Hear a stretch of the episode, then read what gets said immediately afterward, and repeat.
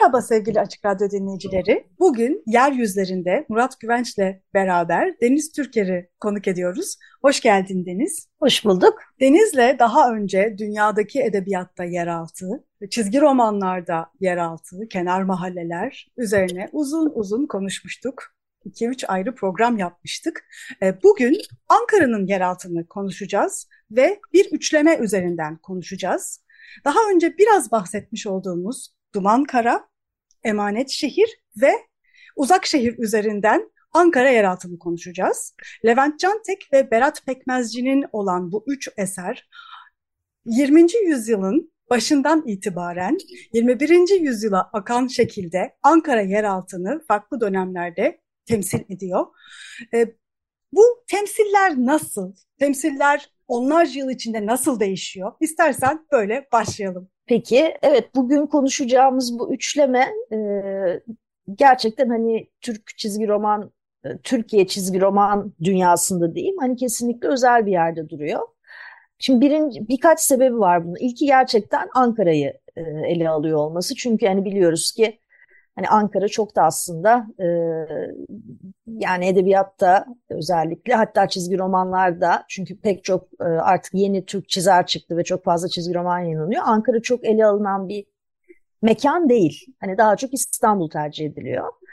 Bunun dışında da tarihsel bir önemi var bu çizgi romanların. Çünkü aslında bir e, bir e, dediğin gibi 20. yüzyılın başından e, günümüze kadar bir e, serüven yaşıyoruz biz. Bir Ankara serüveni e, yaşıyoruz. Ankara'nın içinden geçiyoruz tarih, tarihsel olarak seyahat yapıyoruz. İlk cilt Dumankara, Hayat Bir Yangındı. Dumankara aslında Levent Cantek yazarı fakat birden fazla çizerin olduğu, içinde pek çok kısa hikayenin olduğu bir kitap. Bir eser.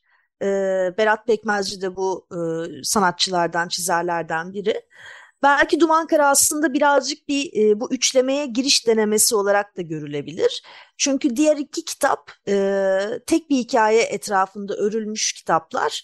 Ee, ve e, biraz daha artık hani hem yazarın hem çizerin üslubunun oturduğu kitaplar e, diyebiliriz. Dumankara bize e, senin de dediğin gibi 20. yüzyılın başından itibaren Ankara'nın e, çeşitli yüzlerine e, hem mekansal olarak hem toplumsal olarak e, farklı farklı resimler sunuyor bize. E, Dumankara'da işlenen konular e, birbirinden çok farklı. Yani bunlar arasında işte en önemlisi bence bu ki, ki bu üç kitap içinde söz konusu e, bir e, kenar mahalle dönüşümü görüyoruz biz aslında. Ken, tabii kenar mahalle bizim şimdi kullandığımız, e, daha yakın tarihte e, kullandığımız bir tabir. E, daha öncesinde işte Teneke Mahallesi e, diye e, tabir edilen mekanlar. Burada da Teneke Mahallesi eğer yanlış bilmiyorsam e, yapılan evlerin e, çatılarının tenekeden olması yüzünden ya da teneke çok kullanılması yüzünden işte eski e, şeyler işte yağ tenekeleri vesaire. O yüzden hani bildiğim kadarıyla teneke mahallesi o yüzden deniliyor. Tabii bu zaman içinde hem bu kullanım ortadan kalktığı için hem de artık hani bu tırnak içinde teneke mahallesi denen mahalleler o kadar büyüyüp şehrin bir parçası haline geliyor ki bu tabir terk ediliyor ve yerine başka şeyler geçiyor.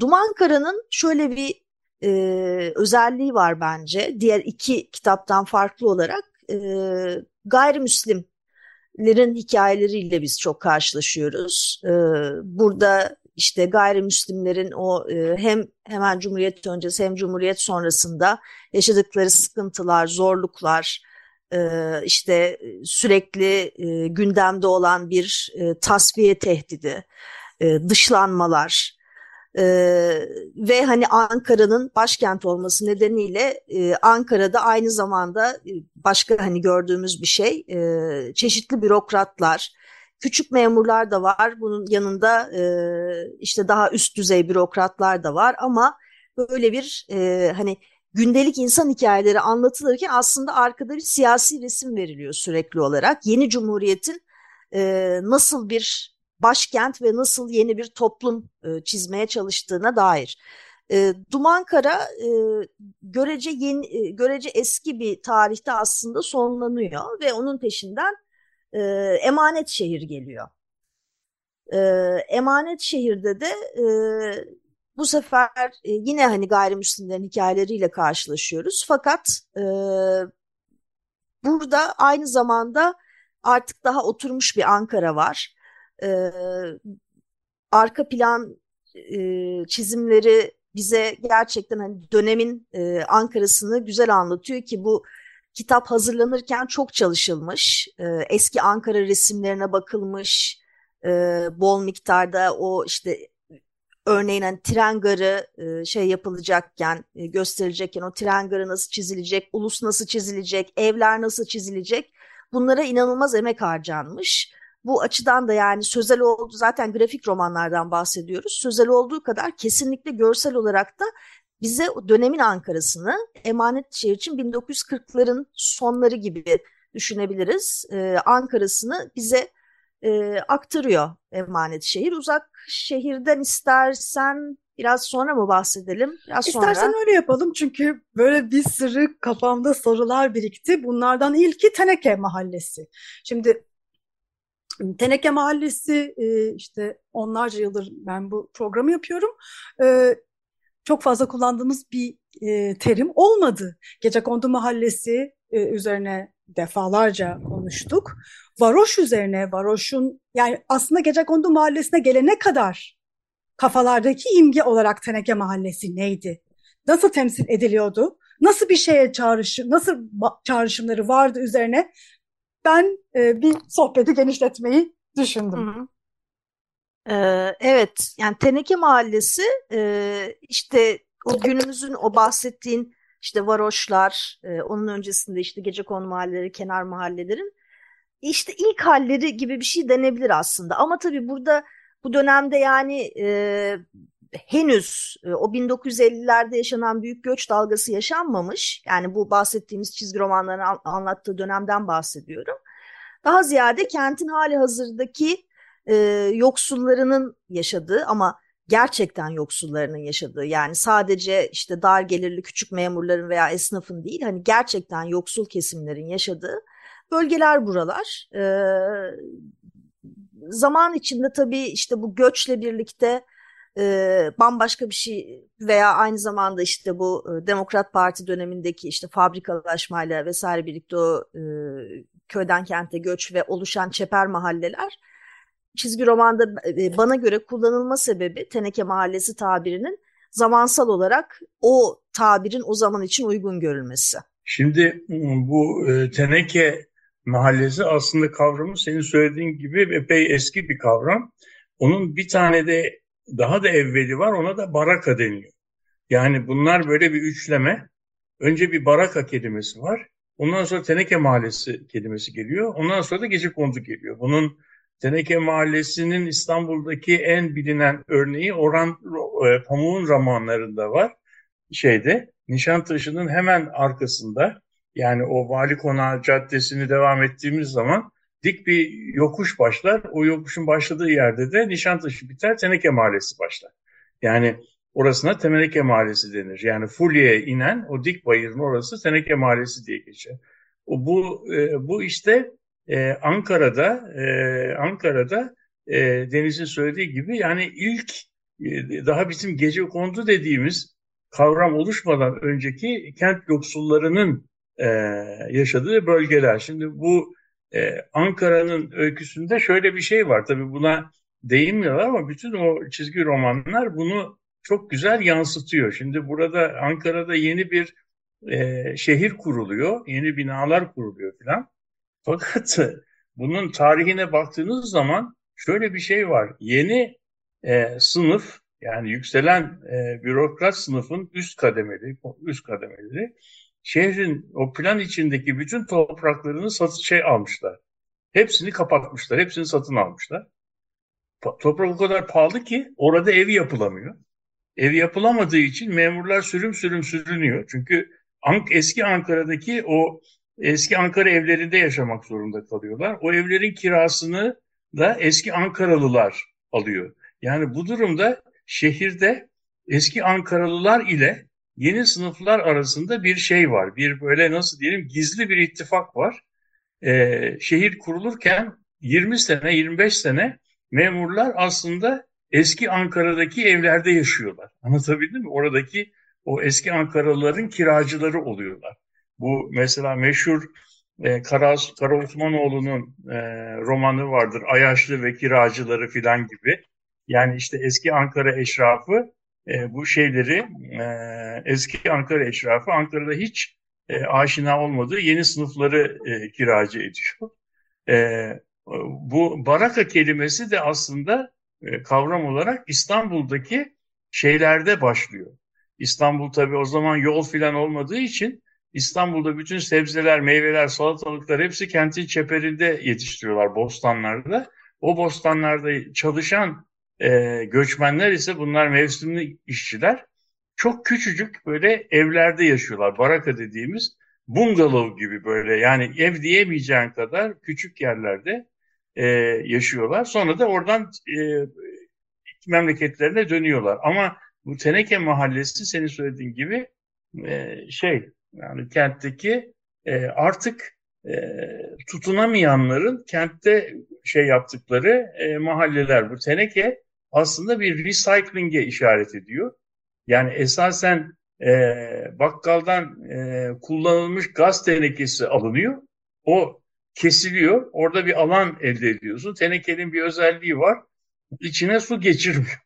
Yani bu tenekeleri birbirine bağlayarak bir dam elde ediyorsun. Yani teneke dediğin şey böyle bir ahşabın üzerine çivilediğin zaman bir tabii yazın tenekenin içi altında oturmak berbat bir şey o. Çünkü yazın acayip şey, e, acayip sıcak. Kışında dondurucu. Fakat tek, ma tek marifeti su geçirmiyor. Anlatabildim mi? İşte fakirlerin su geçirmeyen kendilerine bir barınak yapmalarından bir şey. Daha sonra ama bunlar daha e, bizim kırdan kente göçen göçmenler değil. Bunlar gerçekten kent yoksulları veya düşkünler. İşte herhangi bir nedenle ailesi bozulmuş insanlar, işte e, madde bağımlıları, e, işte suça şey olmuşlar, e, bulaşmış ve işte sabıkalılar, kentte barınamayanlara bu e, şey deniyor. Anlatabildim mi? Bu küçük parantezi kapatalım. Yani bu daha sonra bunlar e, şey olacaklar. Yani bu Baraka ve Teneke Mahallesi dediğimiz şey gece kondunun ataları. Tamam mı? Orada şey yapabiliriz.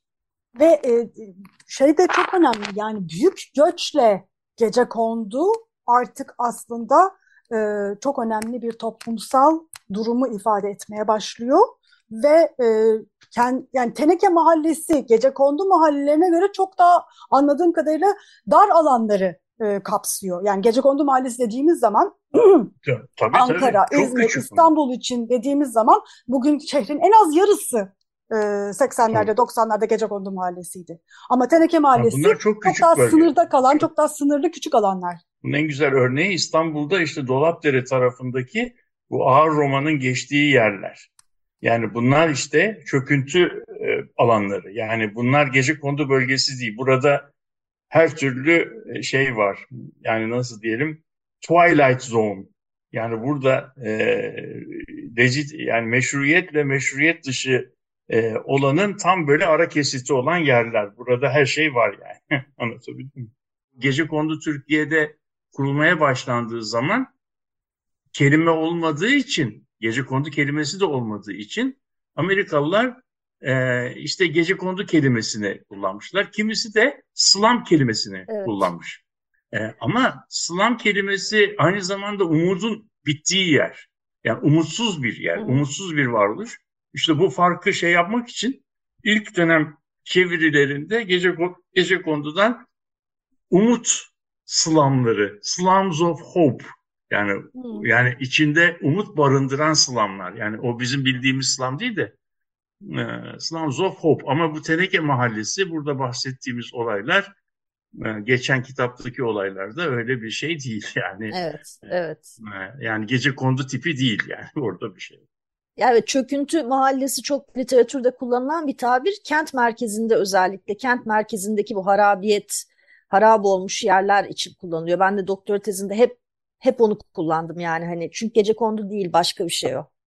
bütün bu e, gecekondu tarihini de biz çok fazla e, e, şey yapmadık aslında yeterince e, bunun üzerine e, konuşmadık da. Yani demin mesela hani benim için bile Baraka'dan Teneke Mahallesi'ne, oradan Gecekondu hmm. Mahallesi'ne ve Baruş'a dönüşüm. Bütün bu süreçte, bütün hmm. bu e, terimlerin aldığı yeni anlamlar, e, yüklendiği e, işte negatif, pozitif imajlar e, ve hani bu dönüşümler çok kısa dönemler içindeki büyük e, aslında mana dönüşümleri de çok etkileyici, çok önemli. Üzerinde e, neredeyse felsefesinin yapılması gereken, e, düşünmemiz gereken e, şeyler olduğunu bugün mesela hani bütün bu e, bir de görsel olarak bunları görünce de yani çizgi romanda bunları görünce de bunların karşılıklarını hissedince de insanın hayalinde daha farklı derinlikler kazanıyor. 50'li 50'li yılların sonunda 60'ların başındaki e, Türk e, filmlerinde böyle fakir insanların yaşadığı bölgeler olarak hep bu kent merkezinin çeperindeki tarihi evler e, gösterilir. Yani o evlere gidilir. Orada böyle tarihi bir Osmanlı mahallesi vardır. Ama o mahallenin sakinleri eski Osmanlılar değil, gece kondular da değil. Onlar o gelip o mahallelere yerleşmiş yeni sakinler. Yani işte o e, şeyin e, işte e, yani bu Teneke Mahallesi'nin Baraka'nın bir de bir üçüncü hali var eski e, konut dokusunun içine yerleşen e, şeyler, yeni e, kentliler, yeni İstanbullular, yeni Ankaralılar. Buna İngil e, İngilizce'de oda oda kiraya verilen evler deniyor. Yani oda kiralıyorsun burada. Buna da İngilizcesi rooming house oluyor. Yani e, sen burada bir e, odanın sahibisin. Aslında evi filan tutacak paraları yok. Bir odasına sahip olabiliyorsun. Yani bu şeyin kent e, nasıl diyeyim yoksulluğun A hali, E hali, D hali, den hali çeşitli böyle üç tane e, şeyi var. E, üç tane modalitesi var. O da bunlardan bir tanesi. Emanet şehir bir e, dediğim gibi daha önce aslında e, yeni oluşan başkenti bize, e, yeni oluşan başkentteki kentsel ayrışmaları, politik gerilimleri, e, sınıfsal çatışmaları, sınıfsal karşılaşmaları e, anlatan e, bir e, grafik roman. E, ve burada hani ilk başta bahsettiğimiz o işte Teneke Mahallesi dedik ya oradan bir hani serüvenden bahsediyoruz hani e, aslında kent yoksullarının yerleşim yerlerinin nasıl dönüştüğünden, değiştiğinden hem isim hem nitelik değiştirdiğinden bahsediyoruz. E, buradaki Teneke Mahallesi de Altındağ ve çevresi.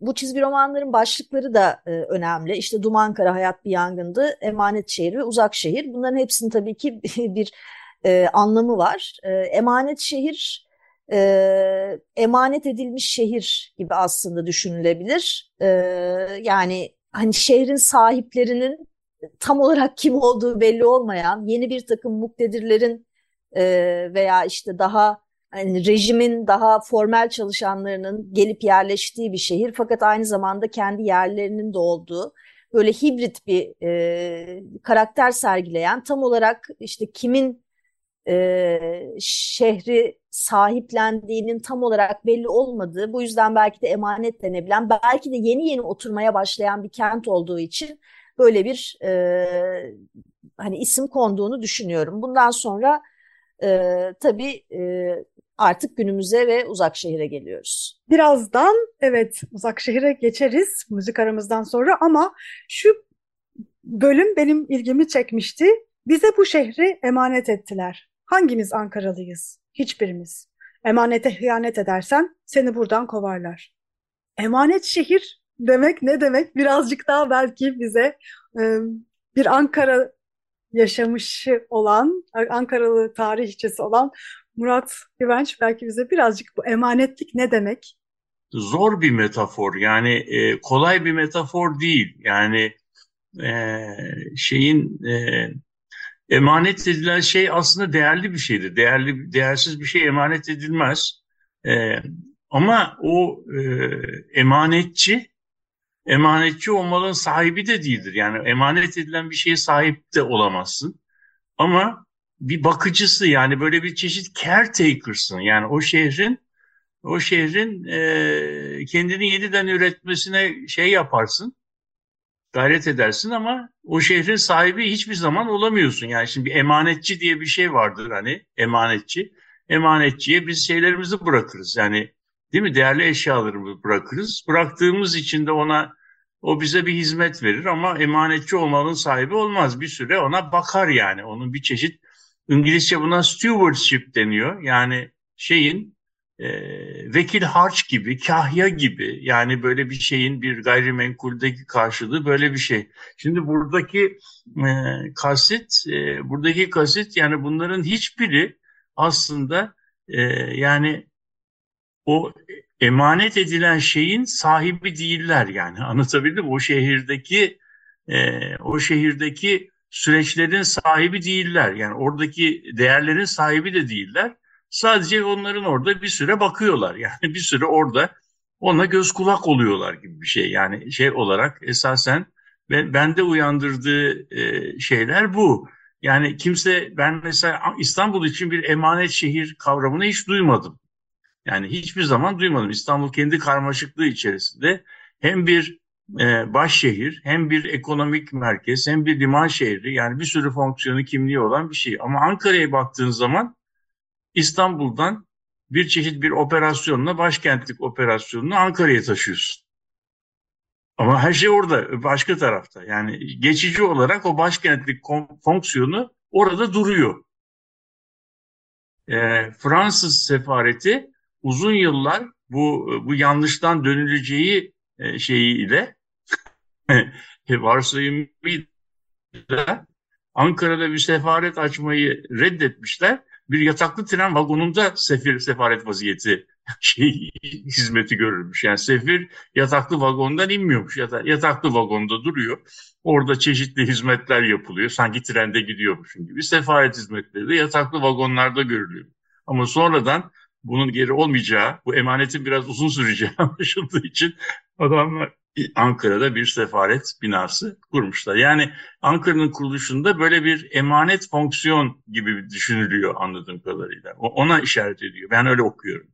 Evet, emanet şehirden uzak şehre geçeceğiz ama kısa bir müzik aramız var. Pilli Bebek bir Ankara grubundan dinliyoruz. Bak, Pilli Bebek'ten dinledik bir Ankara grubu. Ankara'yı konuşuyoruz. Bak şarkısı. Deniz Türker ile olan yeryüzleri devam ediyor. Duman Kara, Emanet Şehir ve Uzak Şehir'i konuşuyoruz. Levent Cantek ve Berat Pekmezci'nin Ankara üçlemesi. E, Duman Kara ve Emanet Şehir'den sonra şimdi Uzak Şehir'de 21. yüzyılın Ankara yeraltı nasıl temsil ediliyor? Uzak şehir bana göre bu üçleme arasında en sert olanı e, her açıdan. E, bunun Tabii pek çok sebebi var. Ee, yani en azından benim algılamamın, e, benim böyle algılamış olmamın herhalde en büyük sebebi e, bizim de yaşadığımız dönemleri, içinden geçtiğimiz yılları anlatıyor olması. E, çizgi romanda anlatılan pek çok e, kriminal, e, politik, e, toplumsal mesele e, hala hali hazırda çok can yakan meseleler olduğu için belki de böyle. E, şimdi bu aslında karanlık bir üçleme. Kara bir üçleme de diyebiliriz. O yüzden de aslında ilk kitaptan itibaren karşılaştığımız karakterlerin hepsi karanlık karakterler. Bunu kötü karakterler anlamında söylemiyorum ama karanlık tarafları olan karakterler. Bence bunun en ayyuka çıktığı diyeyim e, ciltte bu üçleme içerisinde e, uzak şehir. E, bu uzak şehirde Levent Cantek'in e, yazdığı bir son söz var ve bu burada e, aslında bu e, çizgi romanı yazarken Ankara'da görüştüğü pek çok işte alt sınıf, çeperde yaşayan marjinal figürlerle röportaj yaptığını, konuştuğunu ve bunlardan esinlenerek de bu metni oluşturduğunu bahsediyor, oluşturduğundan bahsediyor. Ee, burada söylediği şey aslında e, biz uzak şehirde de bunu bol miktarda görüyoruz.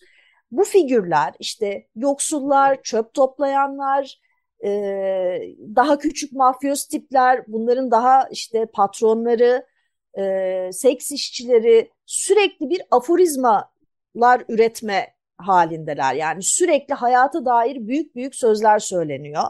İşte e, hayat dediğin şöyledir işte şunu asla yapmayacaksın işte bilmem ne falan gibi. Fakat e, sonuç olarak aslında e, hayat pratiğinde bu büyük aforizmaların hiçbir şekilde pratiğe dökülemediğini görüyoruz ve mutlaka bu karakterler hani e, İngilizce'de doomed denir ya bir hani hezimet yaşamaya mahkum karakterler ve bu hezimeti yaşıyorlar. Yani kitabın e, biçimsel organizasyonundan kısaca söz etmek gerekirse aslında e, hikayede farklı farklı karakterleri birbirine bağlayan e, bir ana çatı var. E, fakat kitabımız bu karakterlerin ağzından anlatılan küçük bölümlere e, bölünmüş ve biz hani aynı hikayeyi değişik açılardan aslında e, okuyoruz, görüyoruz. E, şundan bir önce bahsedeyim. Emanet şehir ne demek? Bunu konuştuk yani bize ne çağrıştırıyor? Peki uzak şehir ne demek? Neden uzak şehir bu cildin adı? Ee, bana göre bunun da çok fazla çağrışımı var. Ee, bir kere uzak sözcüğü e, başlı başına hani sen bir şeyin senden benden uzak olması demek, başka olması demek, farklı olması demek, yakın olmaması demek. Ee, burada e, bence e, tabii ki bu elbette bir mekan anlatısı. Burada bahsedilen uzak şehir işte hani o şehrin üst orta sınıflarının yaşadığı işte ne bileyim görece daha düzenli, derli toplu vesaire şehirden uzakta olan başka bir şehir. Fakat aslında biz çizgi roman boyunca görüyoruz ki e, bu bahsedilen uzak şehir aslında tam da o bizim e, daha huzurlu işte tırnak içinde huzurlu, suçtan arınmış, güvenli yaşadığımız şehrin göbeğinde yer alıyor. Yani burada bir e, uzak diyerek bir ayrışmadan bahsediliyor. Fakat aslında e, bu farklı kesimlerin ya da kentin çeperi veya kentin içindeki çöküntü mahallelerinde yaşayan insanlar olsun, e, bu insanlarla e, marjinalleştirilmiş kentsel kesimlerle şehrin işte daha e, belki bilmiyorum muteber denebilir sakinleri arasındaki alışverişi de anlatıyor uzak şehir. Çünkü sürekli bir alışveriş var. E, yani biz burada burada da e, bu arada e, arka plan çizimleri çok başarılı gerçekten. E, bir anda işte e, ne bileyim çöp toplayıcı e, birkaç arkadaş ve onların mekanında geçen e, kareler var. Onların ettikleri sohbetler, onların işte yaşadığı e, kenar mahalleler. Ama biz mesela o kenar mahalle çizimlerinde ufukta böyle uzakta o büyük gökdelenleri, e, güvenlikli siteleri, kondoları görüyoruz. Orada öyle bir e, ufuk var yani ufuk çizgisinde bunları görüyoruz. Bu, diğer tarafa geçtiğimiz zaman işte daha e, zenginlerin yaşadığı, varlıklı kesimlerin yaşadığı bu işte lüks mesela havuzlu villalar, işte dediğim yine gibi işte kondolar, güvenlikli siteler.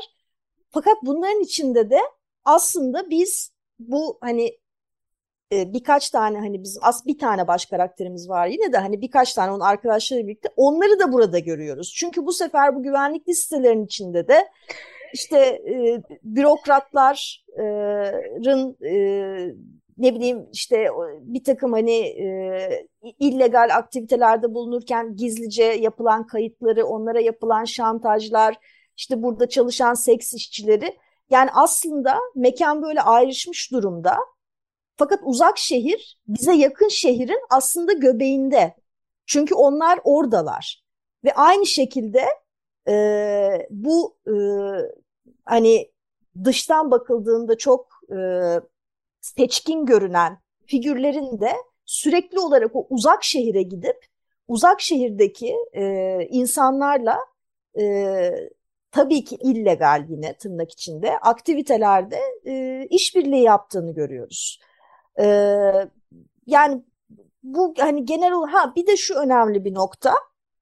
Ee, bu e, kenar mahalle çizimlerinde, kenar mahalle sahnelerinde e, duvarda afişler var. Bence buna çok özel bir e, önem verilmiş. İşte bir takım yasa dışı sol örgütlerin afişlerini sürekli görüyoruz. Yani o sahnelerde çok fazla var.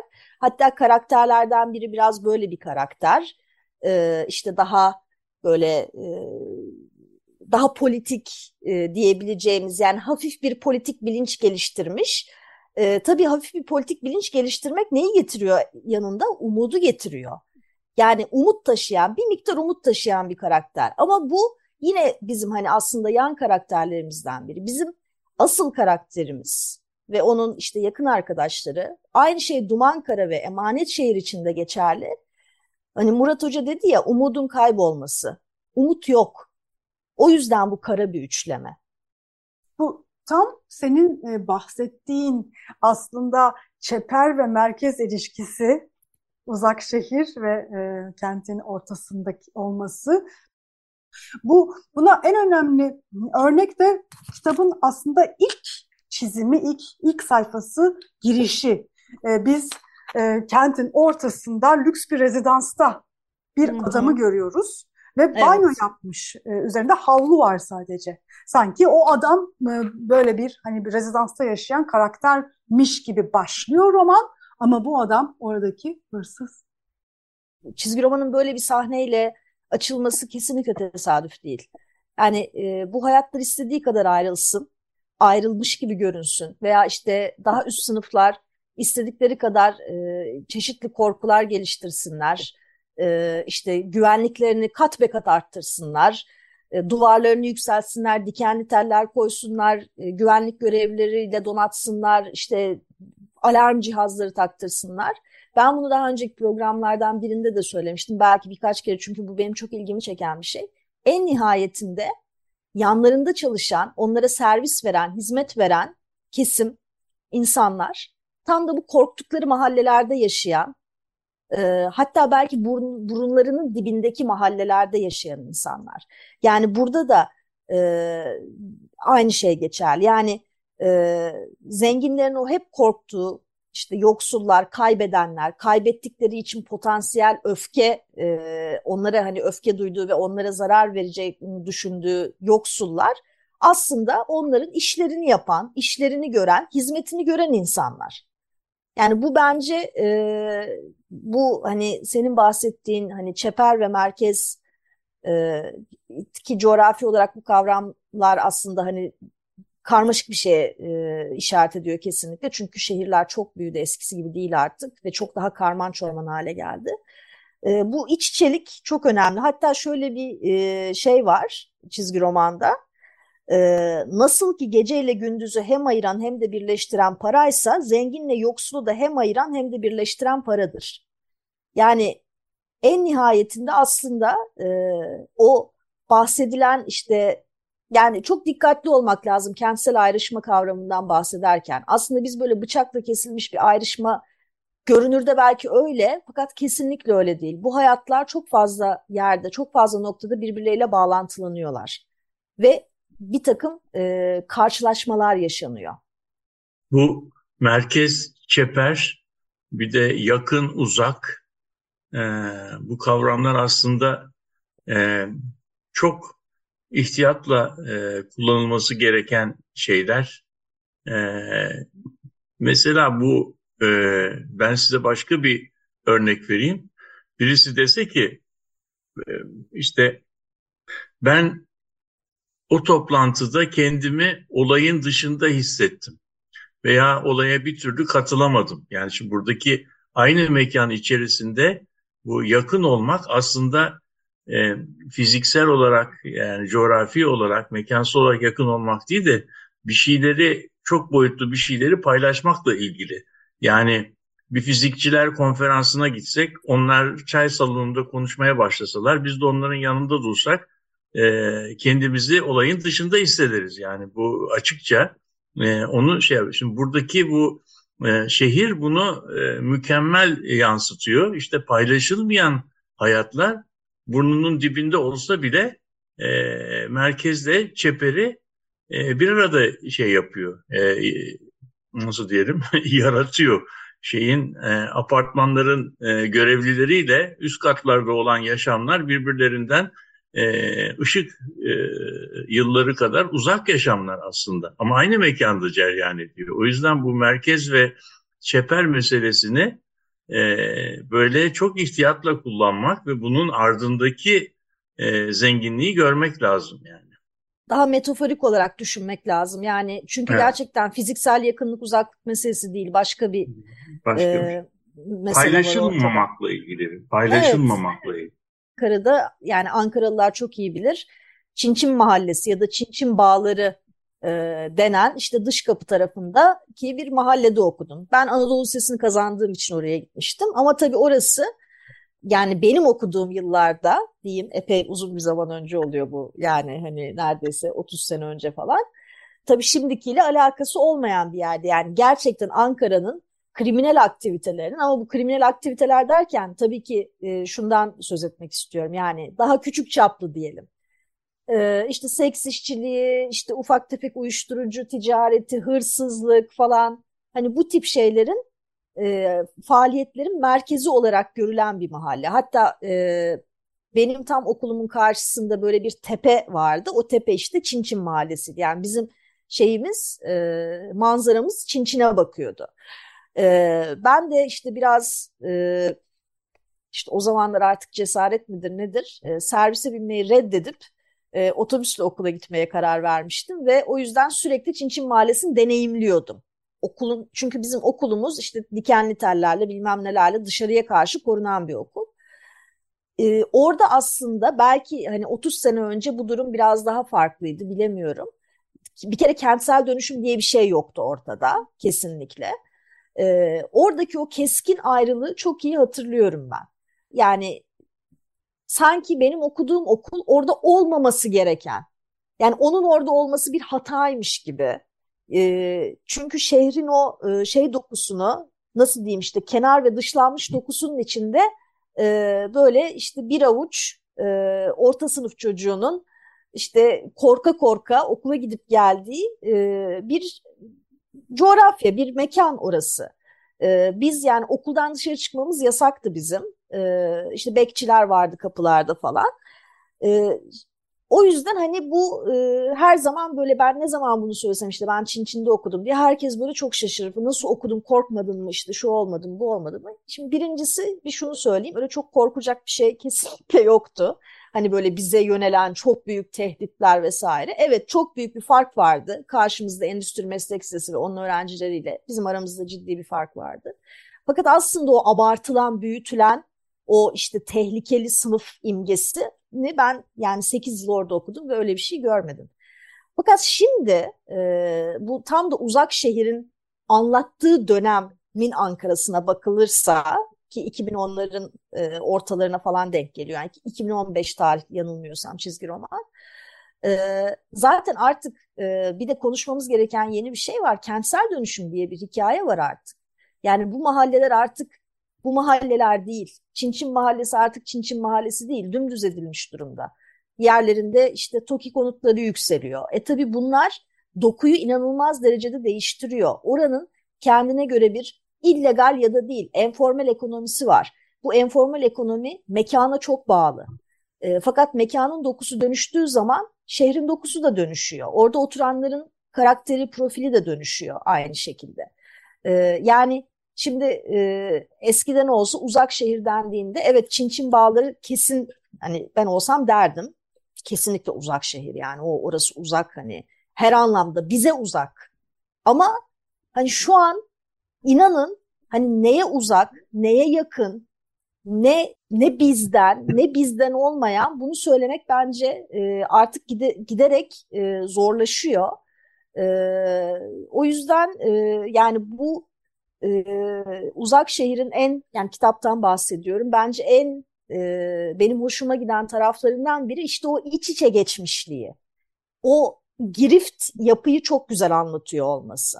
80'lerde 90'larda İstanbul'un yeraltı e, kliplerde olsun, filmlerde olsun yansıtılıyordu. Hatta bu, bu e, klipleri ve filmleri çekenlerden bir e, birisi, bir yönetmen Umur Turagay bizim e, geçen haftalarda Metropolitika'da konuğumuz olmuştu.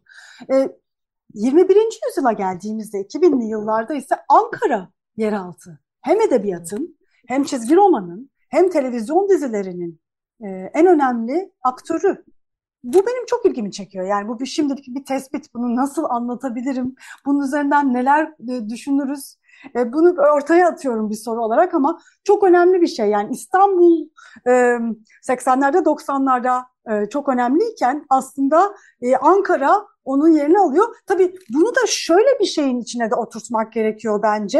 E, 2000'lerle birlikte olan yeni Türkiye sinemasının e, esas konusu da taşra yani taşra filmleri çok öne çıkıyor. İşte Nuri Bilge Ceylan'la olsun, diğer yönetmenlerle olsun ve hala taşra filmleri şu anda e, en önemli, yani bağımsız sinemanın en önemli örnekleri olarak karşımıza çıkıyor. Ve bu bunun parçası olarak da Ankara yeraltı çok bariz bir şekilde e, başrolü alıyor yeraltı edebiyatı ve yeraltı temsilleri açısından. Sizler ne dersiniz? Şimdi burada bence bir tane şeyin dizinin adını anmamız gerekiyor mutlaka. Behzatçı.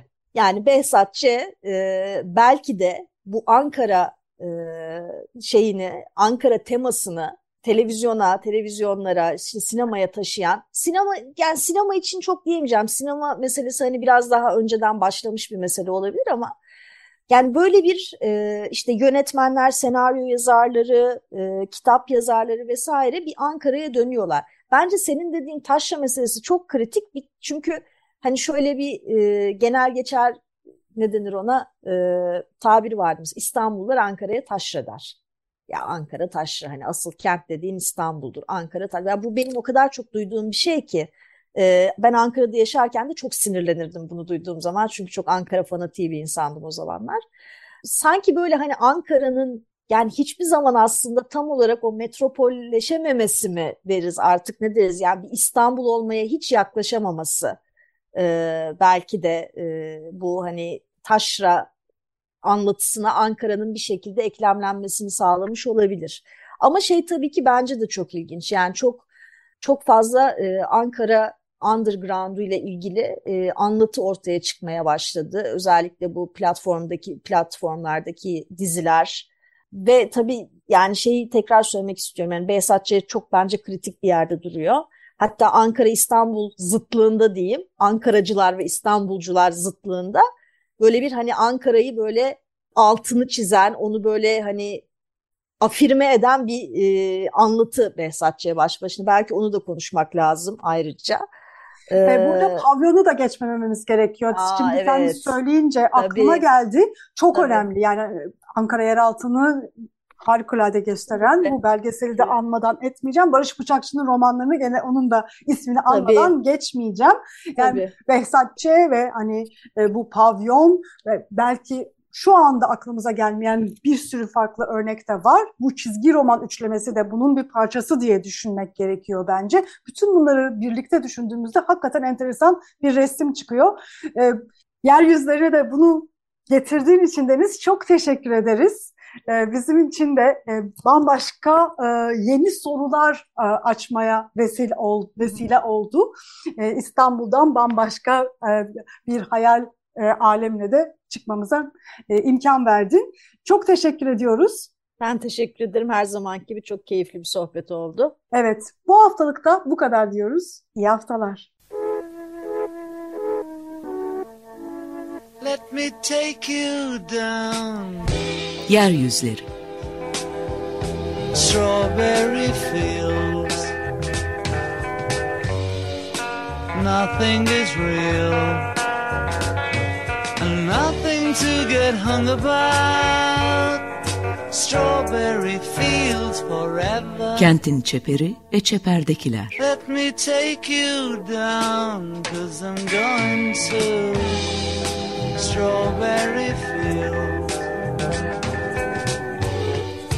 Hazırlayan ve sunanlar Murat Güvenç, Aysim Türkmen ve Deniz Gündoğan İbrişim.